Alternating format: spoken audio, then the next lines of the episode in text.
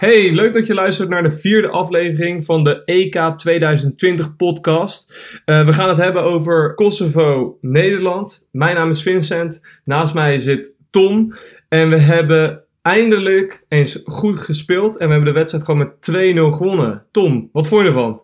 Eindelijk een goede wedstrijd. We hebben steady gespeeld, 2-0 gewonnen. Maar laten we eerst even naar de opstelling gaan. Want het was een andere opstelling. Op twee plaatsen is het team gewijzigd ten opzichte van de vorige wedstrijden. Wel weer 5-3-2. Met in de goal Bizot. Het drieman centrum nog steeds met Stefan de Vrij, Virgil van Dijk en Matthijs de Licht.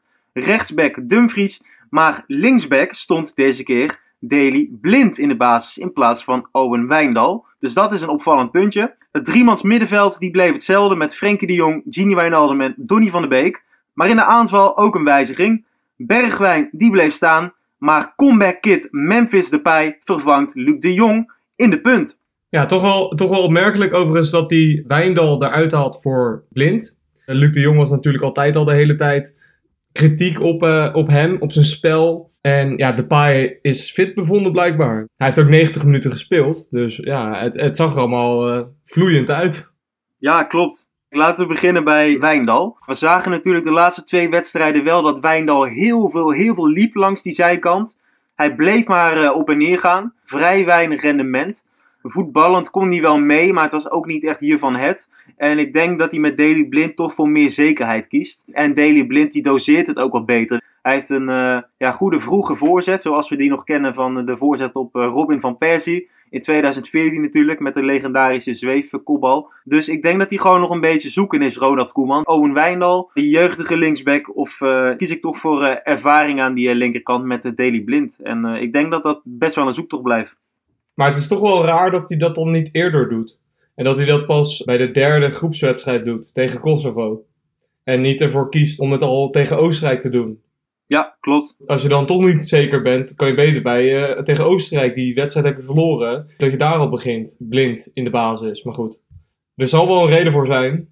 Daar ben ik zeker met je, met je eens. Ja, ik vind het ook een beetje vreemd. De komende wedstrijden die zullen gaan uh, uitwijzen wie de vaste linksback wordt. Of ja, wie weet, dan blijft hij gewoon het hele toernooi wisselen. Dan past hij zijn linksback aan op de tegenstander, wie weet. Maar dat over uh, Blind en Wijndal. Jij zei het al, de paai voor Luc de Jong.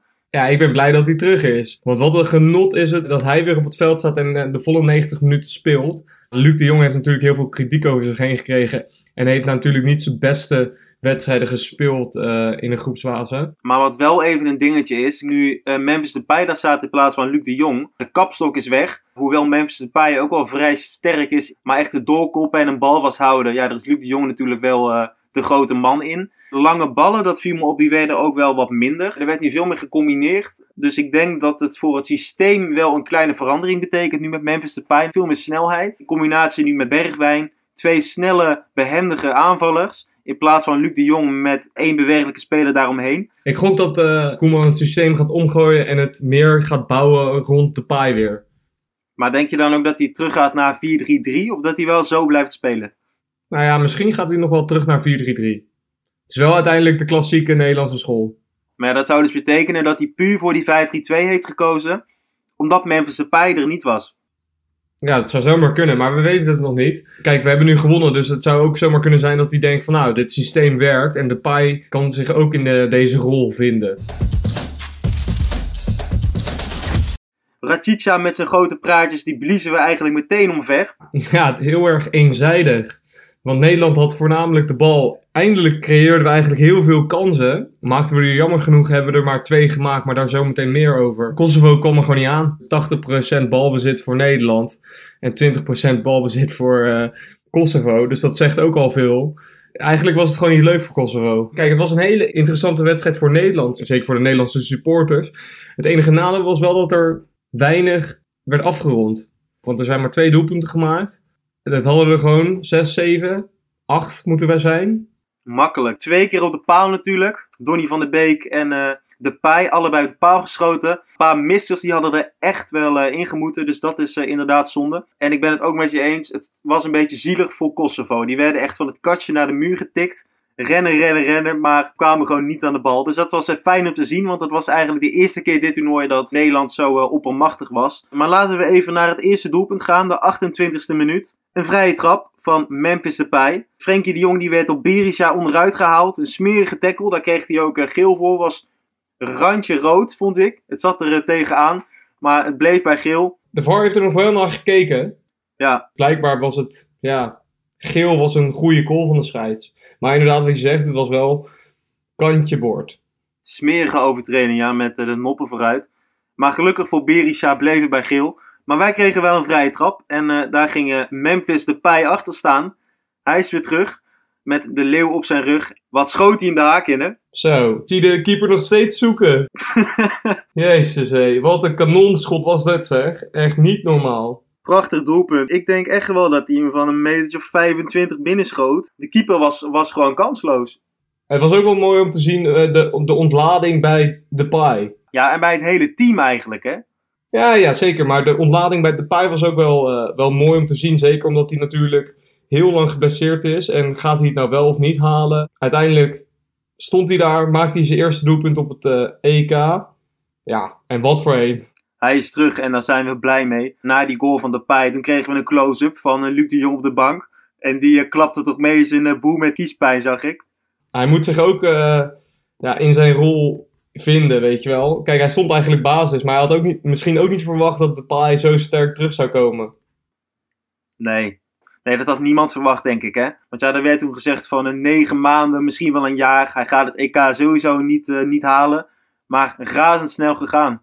Precies, het was de hele tijd twijfelachtig. En langzamerhand kreeg je steeds meer in de media te horen van... Uh, ja, de paai is gewoon fit en hij gaat spelen. Ja, en iedereen had gedacht van ja, die gaat pas spelen met de achtste, achtste misschien kwartfinale pas als we dat halen. Maar hij stond er gewoon hoor. Hij stond er gewoon. Ja, de tweede helft die verliep eigenlijk hetzelfde. Kosovo die rende achter de bal aan en wij domineerden. Bergwijn vlak naar rust, 50ste minuut, die kreeg een tik op zijn knie. Ik vond het er zelf uitzien en dat baseer ik dan ook op mijn EHBO-diploma van de basisschool. Maar dat hij een botkneuzing heeft. Ja, nou ja, het is te hopen gewoon maar dat hij gewoon weer fit is en uh, gewoon uh, geen last houdt aan deze overtreding. Wel opvallend, de, de wissel die hij doorvoerde eigenlijk. Ja, want wie kwam erin? Zurich C. 19-jarige jongen uit Schiedam, spelend bij uh, Bayern München. Die gewoon opeens zijn debuut maakt op het EK tegen Kosovo. Ja, want wij hadden natuurlijk gedacht toen Bergwijn eruit ging. Nou, dan zal nu Luc de Jong wel weer komen. Of in ieder geval dan Promes of Berghuis, Boadou, Stenks eventueel nog.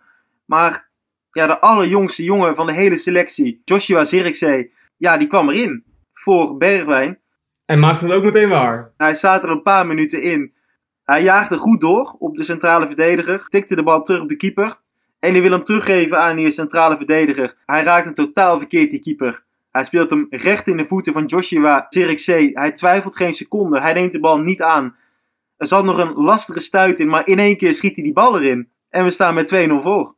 Zo'n debuut had hij niet kunnen dromen eigenlijk. Ja, helemaal omdat met die 2-0 weet je zeker dat, dat je door bent in de pool. Zijn debuut maken op het EK en met je eerste doelpoging meteen een doelpunt. Daarna was het spelbeeld gewoon eigenlijk hetzelfde als de eerste helft. Veel kansen, maar weinig uh, doelpunten. Uh, wat wel opvallend was, was dat in de 80ste minuut Wijndal erin kwam voor blind. Dus weer dat rare wisselen van die back.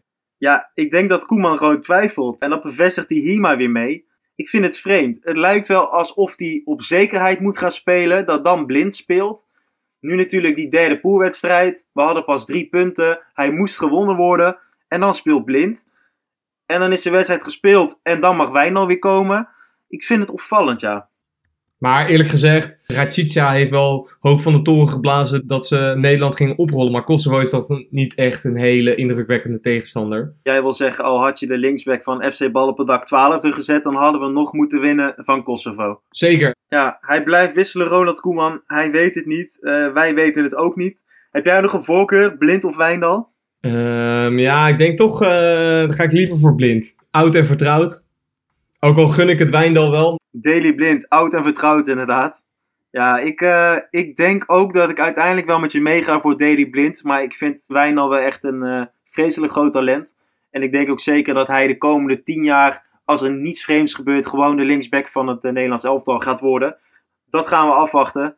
En we gaan ook uh, afwachten wie de volgende wedstrijd weer de linksback zal zijn. Na de laatste 10 minuten eigenlijk met Wijndal voor blind. Ja, toen verliep het gewoon hetzelfde nog. We kregen nog een aantal kansen. Uh, Frenkie de Jong, zelfs nog een grote kans. De 3-0, de 4-0, de 5-0, de 6-0. Ze hadden allemaal kunnen vallen. Maar het bleef bij 2-0. En uh, daarmee bleven Rachicha en zijn mannen nog wel uh, gespaard. Ja, precies. Het, was gewoon, het werd gewoon rustig uitgevoetbald. Maar uiteraard hebben we één man even gesproken. Uh, de man die zijn debuut maakte, de 19-jarige jongen uit Schiedam, die heel belangrijk was voor Bayern München ook. Sirik C, die zijn eerste doelpunt maakte op het EK. Laten we eventjes luisteren naar wat hij te vertellen heeft.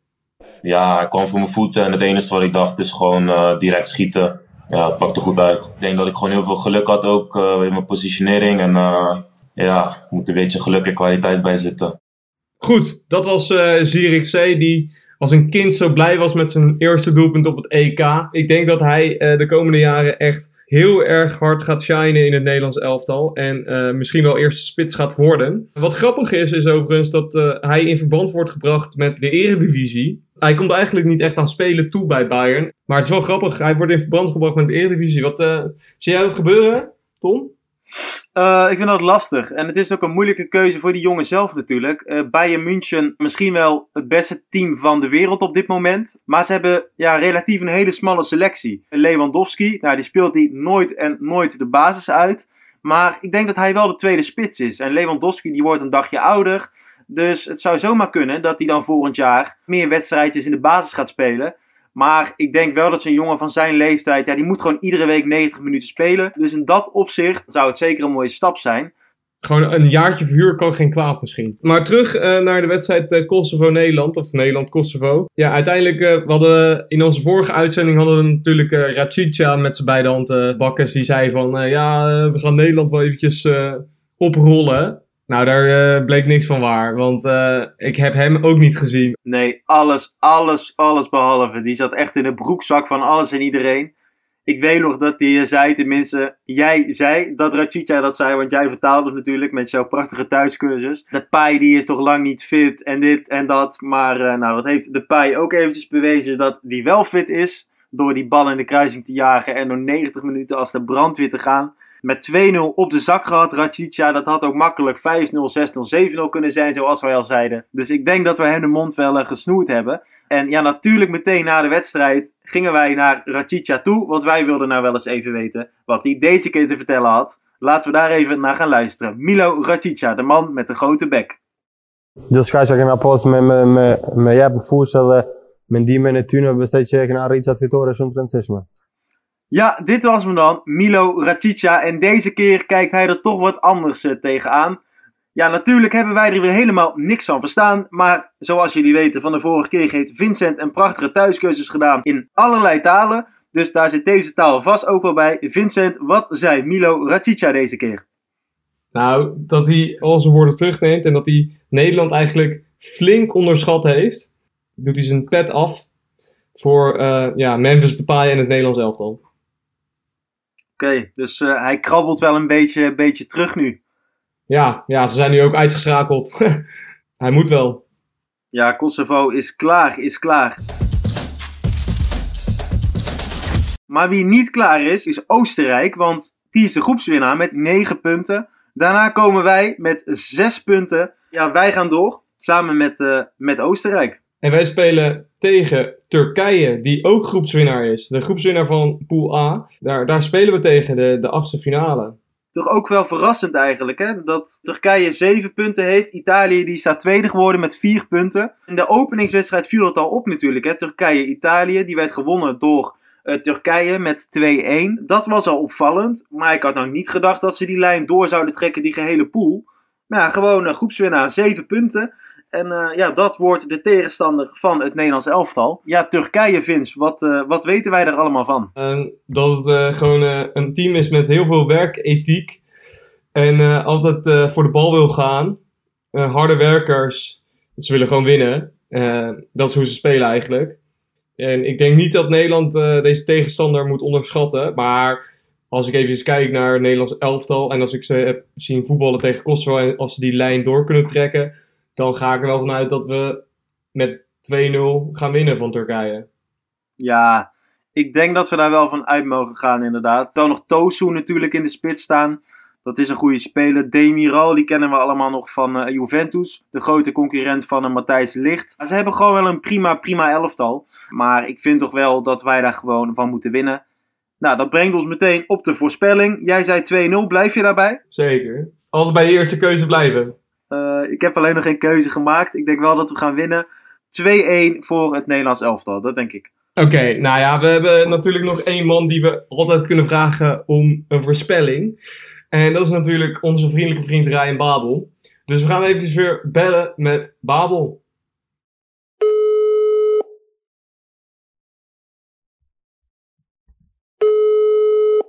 Ryan Babel. Hey Ryan Babel, je spreekt met de EK Podcast 2020. Wij zijn heel erg benieuwd naar jouw voorspelling tegen Turkije. Ik denk namelijk dat Nederland met 2-0 wint van Turkije. Wat zeg jij hiervan? Ja, nou, dat zou absoluut heel mooi zijn. Dus uh, dat, zou, dat zou mooi zijn. Nou, dat lijkt me helemaal duidelijk, Ryan Babel. Tot de volgende keer. Dank uh, jullie wel. Ryan Babel, dit was hem weer. Deze keer wat beter te verstaan dan de afgelopen keer, want toen verstonden wij helemaal niks. De verbinding was slecht.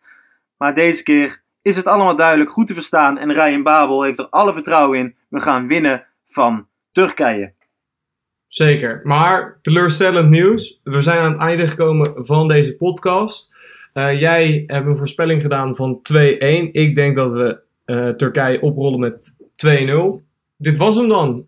Helaas, helaas. Maar wij zijn natuurlijk over een tijdje weer terug met een prachtige analyse.